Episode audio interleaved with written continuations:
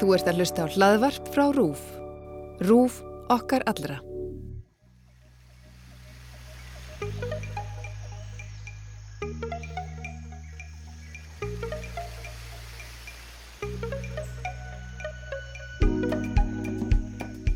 Þú ert að hlusta á X21 kostningar hlaðvarp RÚF. Ég heiti Guðmundur Björn Þorbjörnsson.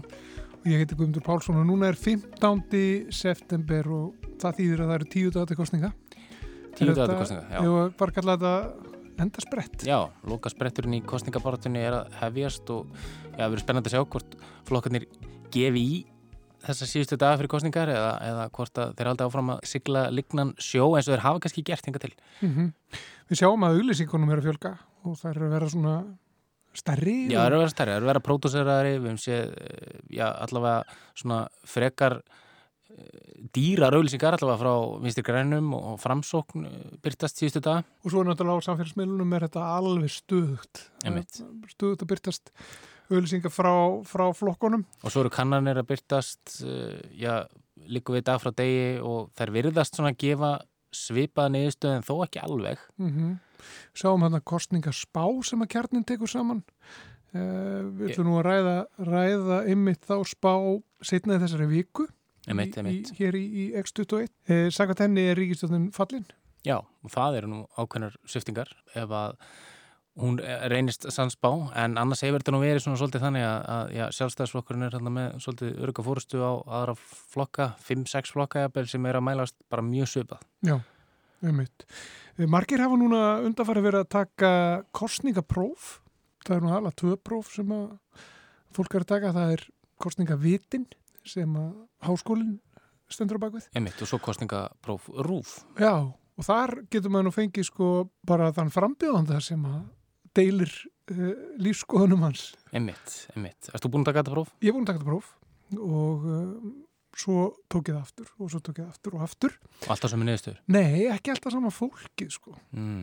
en uh, nokkurt veginn svona, já, sömu flokkar held ég, meir og minna. Það segir nú einhverju sjálfshjálparbókum þá er talað um sko, gerir þú saman hlutin aftur og aftur og býst við annari niðurstöðu? Já, þetta er svona ás sem maður getur fært sko, þetta er svona stika. Emitt. Mjög ósammála, mjög sammála, svo er þetta svona stika og ykkur starf þarna á milli sko, svo getur maður leikið sér að taka prófið bara svona, nei, já, já, þetta er allt til að, já, nei, minnst þetta er nokkið spes. Og varst svona afgerandi, meir og meira afgerandi? Akkurat, svo verður maður meira og meira afgerandi og bara mjög sammála, mjög ósammála og þá breytist það þess. Emitt. Ég tók þetta próf sjálfur og, og verði vikna að niðurstöðuna komið svona aðeins óvart. Ég, hérna, ég heyrti kannski að taka það aftur og aftur og aftur og verða meira og meira afgerandi. Til, þanga til og kemst að Já, sem þú ert emitt, Það er kannski málið. Og nú ætlum við að ræða við prófessor í stjórnmálafræði um kannanir og já, kostninga rannsóknir.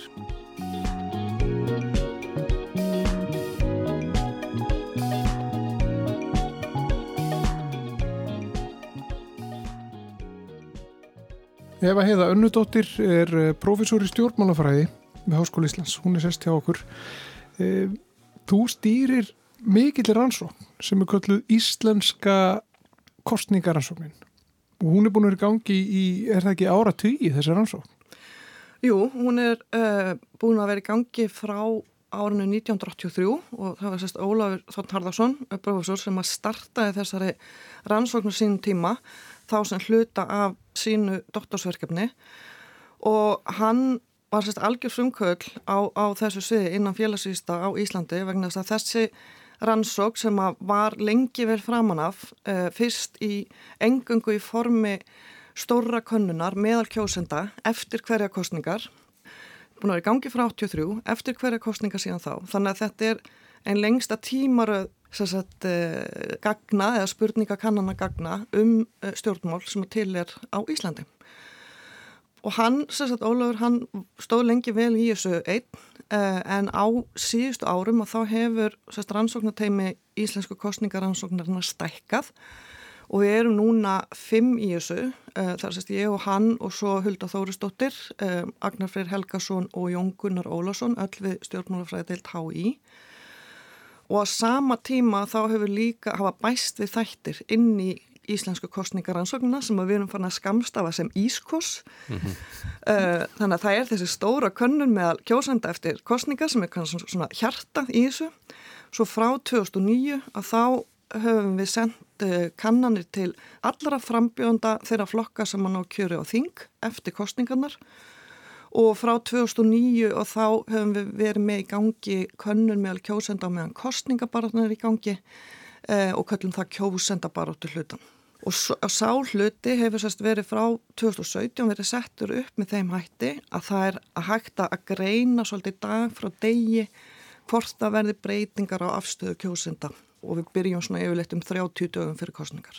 Getur þið farið þess nánar út í þetta? Þetta er Þetta er náttúrulega viðhorskönnun uh, meðal kjósunda, hún er framkvæmt eftir kostningarnar en svo er einni verið að sapna gögnum og meðan á kostningabaratunni stendur. Já. Það virkar svolítið flókið. Getur þú aðeins svona útskýrt betur hvernig þið vinnir úr þessum gögnum og hverju verið að reyna að ná fram? Já, þetta er einhver þrjár aðskildar kannanir. Þannig að við tengjum ekki endilega sögurinn þarna á milli. Þannig að það er tölvöld umfangsmikið að undibú þetta en um, ef þú spyrðu út í þessa kostninga bara til konun sjálfa að spyrja út í hana hvernig mm -hmm. hún er framkvæmt mm -hmm. að þá er í raun og veru framkvæmdi náni í sjálf sér ekki svo flókin. Þetta er frekar stuttur spurningalisti en auðvitað spurjum við um þessa skiptimáli hvað ætlar að kjósa? Eh, við spurjum um alla flokkana, hversu líklegt eða ólíklegt er að þú kjósir viðkomandi flokk þannig að sami svarandi fær spurningum um samfélkingu, vafki, pírata eh, og, og alla hinn á flokkana og, hérna, og þá getum við metið í raun og veru hvaða tveir eða þrýr flokkar það eru sem að uh, sami kjósandi er að reyna að gera upp á milli og við spurjum um, um fjölmilanótkun og við spurjum um afstöðu til vinstri hægri og ímislegt fleira. En að því þú spyr hvort þetta sé flókið, ég hef búin að vera að gera þetta svo lengi, ég sést byrja að vinna með Ólafi 2003, þannig að það er orðin svolítið tími, þannig að að við erum orðin ágætlega þjálfuð í að gera þetta en þetta er ansið umfánsmikið. Við byrjum til dæmis í mæ á þessu ári að undibúa þessa gagnaflun, spurningalistan, hvað ætlum við að spurjum?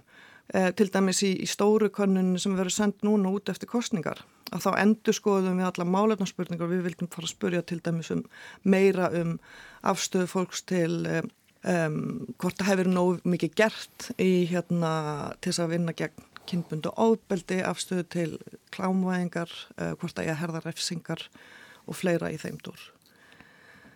Ef við getum skoða bara það sem við vitið núna í þessari kostningabartu, hvernig standa máli núna og hvernig þróunni verið bara í þessari bartu? Hefur fylgið til dæmi sveiblast mikið? Já, gaman ég mynda þú spyrði þessu, vegna þess að það var sérst, þessi kostningabartu konun sem við erum með í gangi og búin að vera frá 23. ágúst og og félagsvísastofnun sér um gagnaöfnum fyrir okkur að þau, félagsvísastofnun var að byrta bara í gæri á heimasíðinu sinni um, niðurstöður við fjórum spurningum meðal annars niðurstöðunni við, við spurningunum um hvað ætlar að kjósa eða hvað er líklegast og kjósir og, og það er bæði hægt að skoða þessi súlurut og svo þróunni við tíma og hérna frá 2003. ágúst og ef maður skoðar uh, þróunna það yfir tíma á fylgiflokkana að þá virðist bara voða lítið verið að gerast. Það er enga kúvendingar og ég er að horfa bara á þetta hérna fyrir fram á mig. Sérst, ef maður skoðar þessa línur fyrir flokkana frá loka ágúst þanga til fyrir tveimum dögum síðan, þá er hún bara nokkur nægum bein. Það eina sem kannski virðist vera er að að samfylkingin virðist vera að fara eitthvað aðeins niður á við en það getur líka bara verið flögt.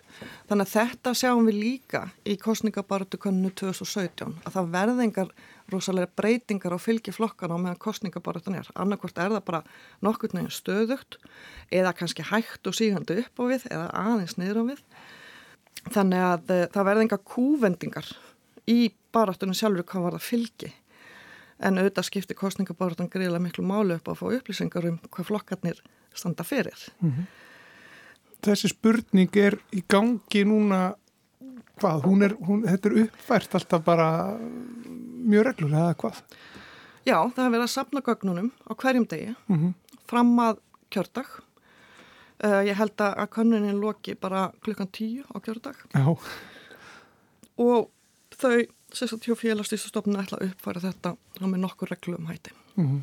Ég sé hérna uh, eitt af því sem, sem hægt er að svara er, er, er spurningin hvert fyrst er að vera mikilvægasta pólitíska verkefni sem Ísland stendur frammi fyrir í dag uh, og þar sér maður svona kunnuleg mál uh, heilbríðskerfið skorar hátt umhverjus og lofslagsmál líka en hæst er, er önnur málefni það er sem sagt hva, hvað segir þetta okkur að það sé kannski ekki, ekki einhugur með kjósunda um, um hvert sé mikilvægasta kostningamáli Já Sko þessi spurning er spurðu sýtt opinn þar að segja kjósundu ef svarendur geta sagt bara í eigin orðin hvað er mikilvægast á málinn og þeir sjá ekki flokkana.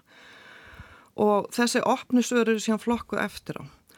Og þessi fjögur mál sem að þú nefndir hérna, efnaðsmál, helbyrðismál, umhverfis og lofslagsmál og kjaramál, eru nefnd lang mest. Þetta önnur mál eru öll önnur mál. Já, einmitt. Þar, þannig inn eru til dæmi sóttvarnamál, byggðamál, mm -hmm. samgöngumál, jafnbrettismál, stjórnarskráin þannig að þetta önnur er í raun og veru marg, það er svo ólík málefni það er ekki hægt að flokka í eitt flokk en Þannig að hérna, má segja þess að helbriðsmálinn séu aðal, aðalmálið Já, klárlega og, hérna, og líka ef maður horfir á, á þróun að það bæði hægt að skoða þess að súluritt og þróun að þá sér maður til dæmis aðeins meiri breytingar yfir tíma heldur en þegar við erum að skoða fylgið. Við sjáum til dæmis að önnur mál sáflokkur hefur farið vaksandi og, og á móti kemur að frá því að kostningabarátum byrjaði þá, hefur aðeins fækka þeim sem að segja helbriðsmálinn, þá hefur aðeins fækka þeim sem segja eh, efnaðasmál og kjaramál, ég veit við sér ekki hvort, hversu marktækt þetta er en, en línan er svona á við.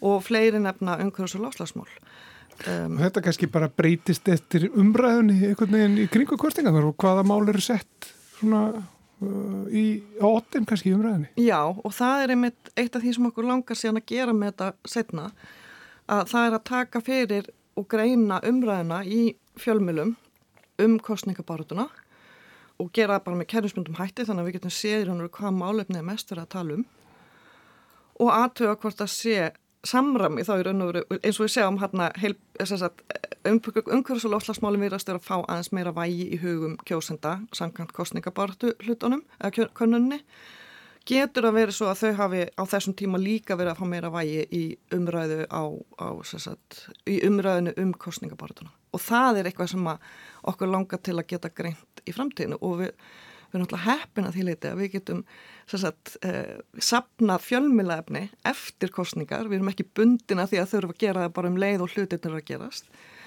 og greint umræðuna þar. Mm -hmm. Svo spyr ég líka þáttakandur hvort þau hafi tekið þátt í umræðum um innlend stjórnmál á samfélagsmiðlum síðastliðin sólaring, ja. til dæmis með því að skrifa aðtöð sem eru fæslu eða deila stjórnmálatengtum fréttum. Hvers vegna vil ég vita þetta?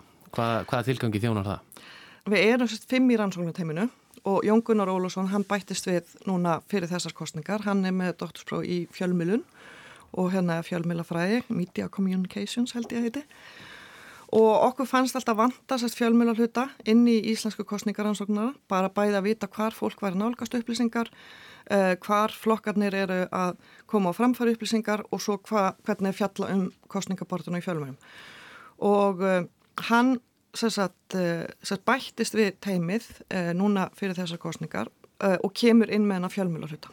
Þannig að hann var í raun og veru miklu betur en ég að svara í raun og bakgrunnum þarna við hvernig þessar fjölmjölarspurningar eru hugsaðar en við ákvæðum sérst að þemað 2021 eh, yrði falsfrettir, eh, krísur og upplýsingabjögun Mitt. og þar að leiðandi eh, snertamarkar þessar fjöl, fjölmjölarspurningar þá verið að reyna að hérna að greina það, til dæmis hvort að fólk hafi séð misvísandi upplýsingar um, á einhverju meðlum og, og hérna þessi spurning sko hefur þú tekið þátt í umræðum um innlend stjórnmál og ég vona að Jóngunar skammi mig ekki fyrir þetta svar að þarna er verið að reyna að ná utanum uh, ásamt fleiri spurningum í raun og veru hversu virkan þátt fólk tekur. Einmitt. Svo er náttúrulega önnur spurningum sem, sem snýraði hversu miklum tíma ef einhverjum þú hefur varið síðastlegin sólarhengi að fylgjast með fréttum eða fréttatengtu Já. og hann er yfir 20% sem svara, í, svara meira en einn klukkustund. Þannig að já, það er já, það er tölur verið tími sem fólk eðir í, í þetta. Já, og það er líka þetta er hérna, líka líkilatri í, og þetta er meðal annars ástæðan fyrir okkur fannst alltaf vandan að fjölmjöla hluta inn að því að við í Íslenski kostningarnáðsóknu við vorum með kjósundur, kannanir þar sem er eftirspurna hliðin við vorum með kannanir meðal frambjónda og eigum ímislegt efnum stjórnmálaflokkana sem er þá hérna, frambúsliðin en okkur fannst alltaf að vanta hvernig getum við greint miðlunna þarna á milli. Og það er náttúrulega að koma fjölmilar mjög stertinn en þá þurfum við líka að vita hversu mikið fólk er að fylgjast með. Og þessi spurning er mitt hversu miklum tíma ef ykkurum hefur þú mm -hmm. var í að fylgjast með fréttum? Að það er svolítið leikill í að reyna til dæmis að greina það hvort þeir sem fylgjast meira með eru þeir að leggja áherslu önnur málefni eru þeir mögulega kjósaðara flokka eða ekki og fleira í þeim dór eru það að skoða hvað, hvað ræður því hvað fólk kýs? Við skoðum það í þessari stóru konnun eftir kostningar. Mm -hmm. Þá hérna þar eru við með spurningar sem að lúta því og við spurjum ekki fólki beint bara hvað var til þess að þú kaust þennan flokk. En við spurjum margar spurningar, þetta eru sko hátt í þetta er langu spurningalisti, þetta er hálf tíma, fjör tíma viðtal í síma en við spurjum spurninga eins og hver eru mikilvægstu málefnin sem við erum líka með í kostningabaratukönnunni, við spurjum um flokksótlustu, við spurjum um afstöð til ímissa málefna bæði sem snerta sagt, svona, þetta hefðbundna vinstri hægri, líka málefni eins og ég nefndi á hann með hérna, herðingu, refsinga, afklapavæðingu, umhverjismál, jafnbrettismál, hvort það er að breyta stjórnarskráni og öll þessi mál sem hafa verið svona ofalega á dagskrá í umræðinu og sum meira en önnur. Og, og við spurum fleiri spurningar sem að geta haft áhrif á hva, bara hversu vel þeir líka við flokkana, hvernig líka við leiðtóna og svo auðvitað fullt af bakgrunnsspurningum. Og með þennan sérstýrjan að vera stóra spurningabakka að þá getum við greið bara með ákveðnum aðferðum, bara tölfræðaferðum, sumar einfaldari heldur en aðrar, hvaða er sem að hefur áhrif á hvað kýst og auðvitað þetta samspill en það, það skiptir máli hvað þú staðsettur á vinstri hægri, hversu nálegt eftir flokkanum þar, málefna afstæðan skiptir máli. Það skiptir máli hversu mikla trúð þú hefur að getu flokkan allir að takast á því mikilvægastu málefnin. Og bakgrunnur líka við vitum að það eru ólíku bakgrunnur uh, sagt, uh, kjósundur sjálfstæðaslokksins hafa hluta til ólíkan bakgrunn með við kjósundur til dæmis pírata ef við tökum bara aldurinn. Þannig að þá getur við séð uh, hvað hefur áhrif. Eh, eða hvað hefur og, og það er ekkit eitthvað eitt sem stendur upp úr. En mér langast að, að, að, að bæta því að við hérna að því það er svo oft tala um uh, eða það er mjög oft tala um að leiðtóðni skipta máli í flokkanum og auðvitað skipta þeir máli. En þegar maður ber saman í raun og veru leiðtóga áhrif versus uh, málefna afstöðu kjósenda þá er ég að tala um þegar þeir eru spurðið hversu vel þeim líkar við leiðtóðana að þá veriðist í þessu sammingi þá veriðist í raun og veru stefnumál flokkana eða málefna afstæða uh, kjósindana hafa mun meira fórspákildi fyrir hvað kýst heldur en hversu vel þeir fíla leðtóan. En að þessu sögðu þá getur leðtóin, slæmur leðtói getur sjálfsögðu skemmt fyrir, sérst ef hann klúðrar ekkur eða gerir eitthvað skandal.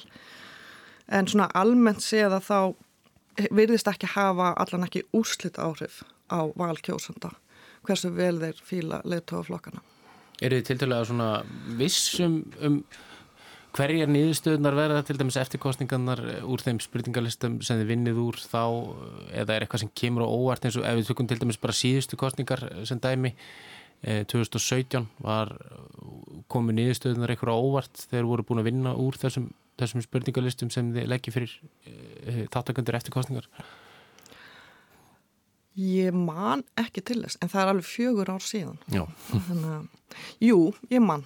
Þa, það, og þetta er eitthvað sem ég var að segja bara áðan. Að því þá, 2017, þá vorum við fyrsta skipti að gera þetta, að gera þennan kostningabáratu hluta með þessum trakking, eða rakningu, eins og heitur í íslensku. Mm -hmm.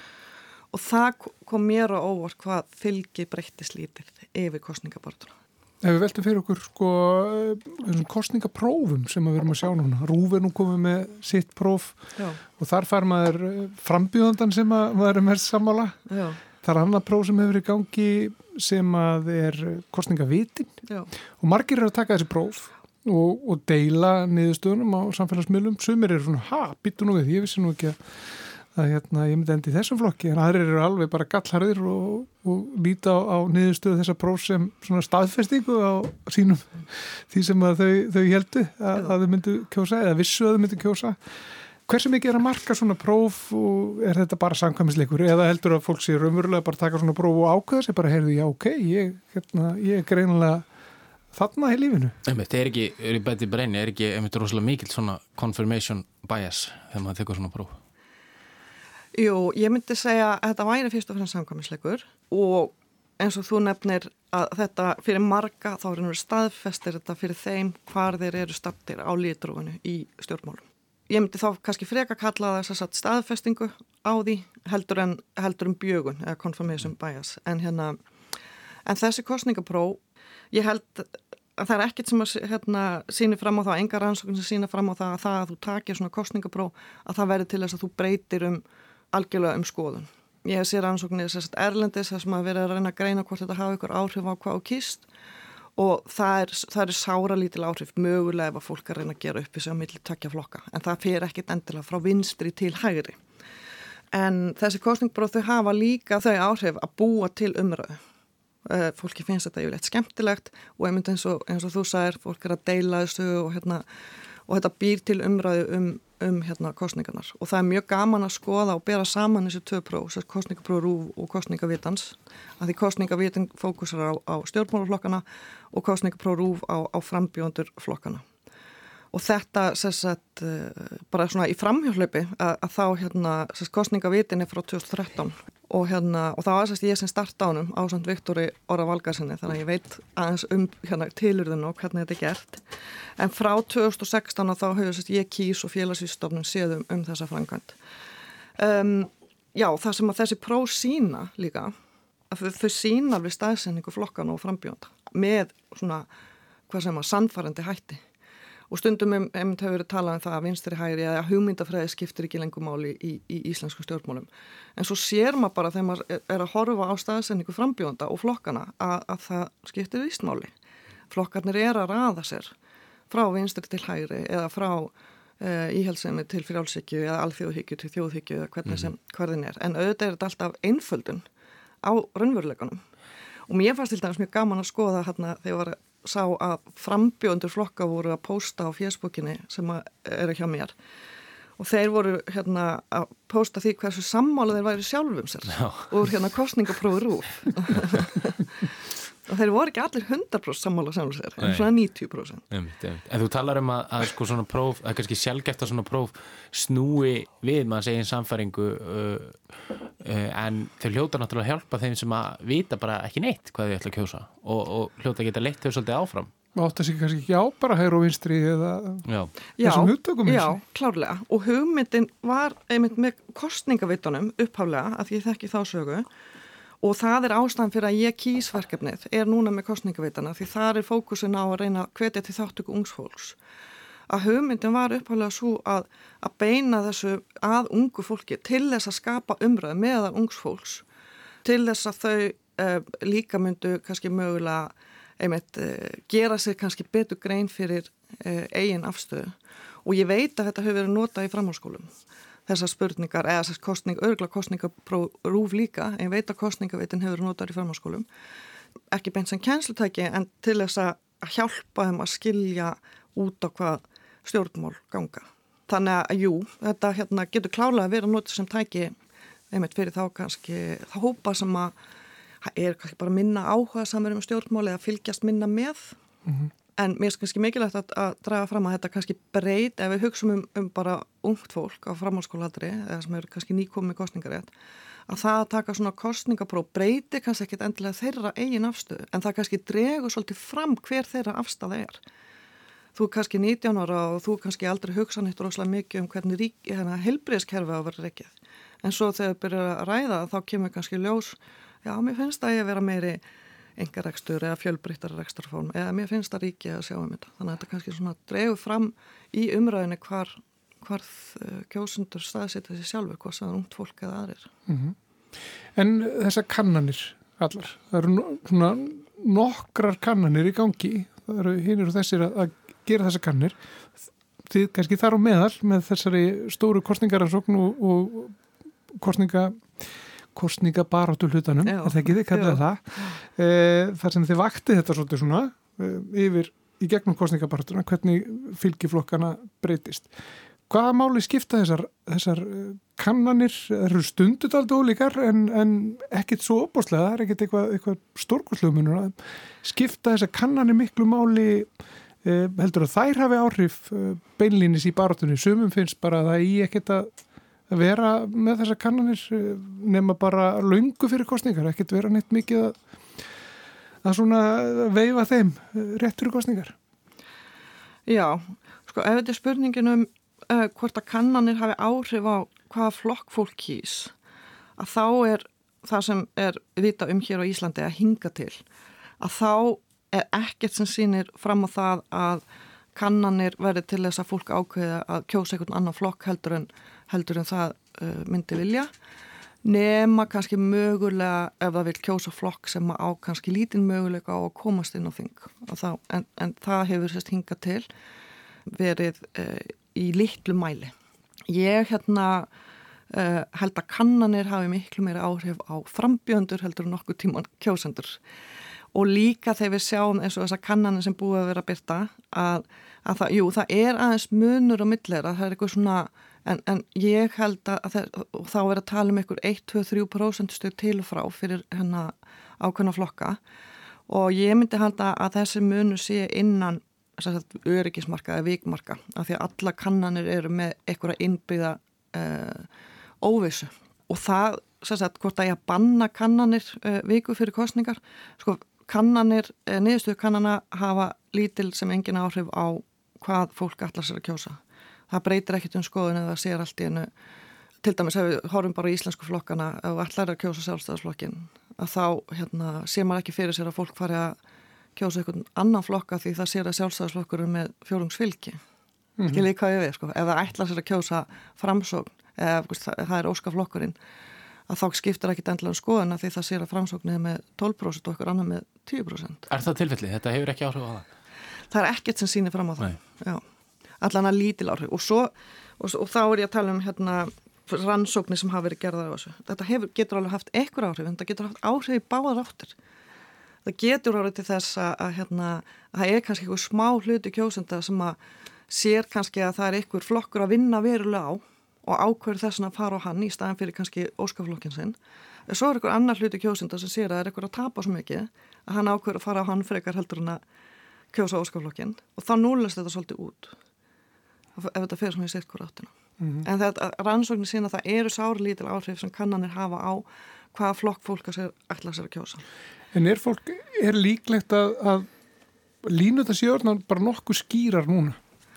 Varandi fylgið? Já, þú veist, heldur að, að fólk sé búið að ákveða sig og heldur þess að kannanir endurspegli, endurspegli það sem að kemur upp á kursunum svo. Hvernig var þetta til dæmi síðast? Hver er reynslan? Reynslan er svo að, að hérna í upphafi kostningabaratu og miðja kostningabaratu að þá er svona skiptingin í fylgi svona nokkur nú einn komin á milli flokkana en 1-3-4% stuð geta náttúrulega breytt heil miklu um til dæmis hversu mikla þingmenn flokkurinn fær mm -hmm. og, og bara en, hvort hann komist á þing yfir höfuð Já, nákvæmlega ja. og við sjáum líka í, það er spurt í kostningaransvagninni hvenar ákvæmstu hvað allar að kjósa eftir kostningar og þá sjáum við að um það byrj helmingur og þetta hefur verið stöðugt frá 1983 segist ákveða sig síðustu vikunni fyrir kostningar og þaraf helmingur á kjördag.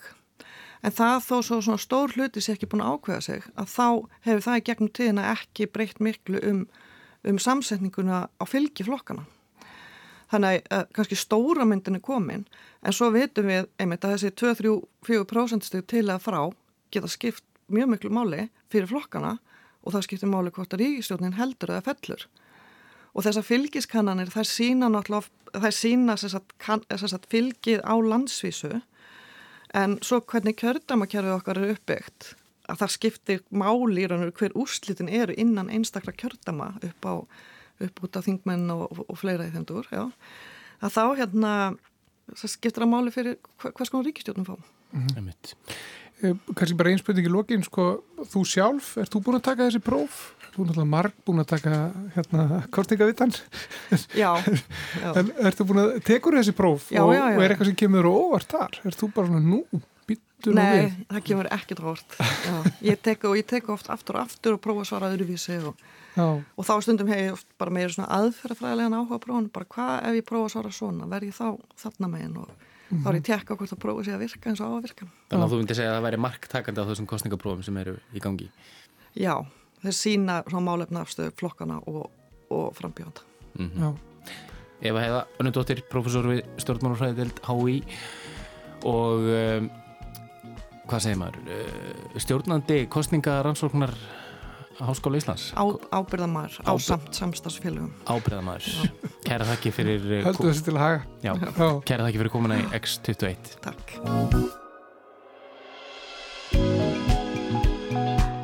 þá verður X21 kostningalhaðarp rúf ekki lengra af þessu sinni. Á morgun þá ætlum við að halda áfram að ræða við nýja frambjöðundur og þá er röðin komin að frjálslinda líðræðisflokknum. En ég heiti Guðmundur Pálsson. Og ég heiti Guðmundur Björn Þorbjörnsson, þáttinn er hægt að hlusta á í spilaranum á rúf.is og á öllum helstu hlaðvarpsveitum.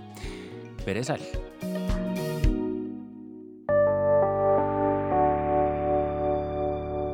Rúf okkar allra.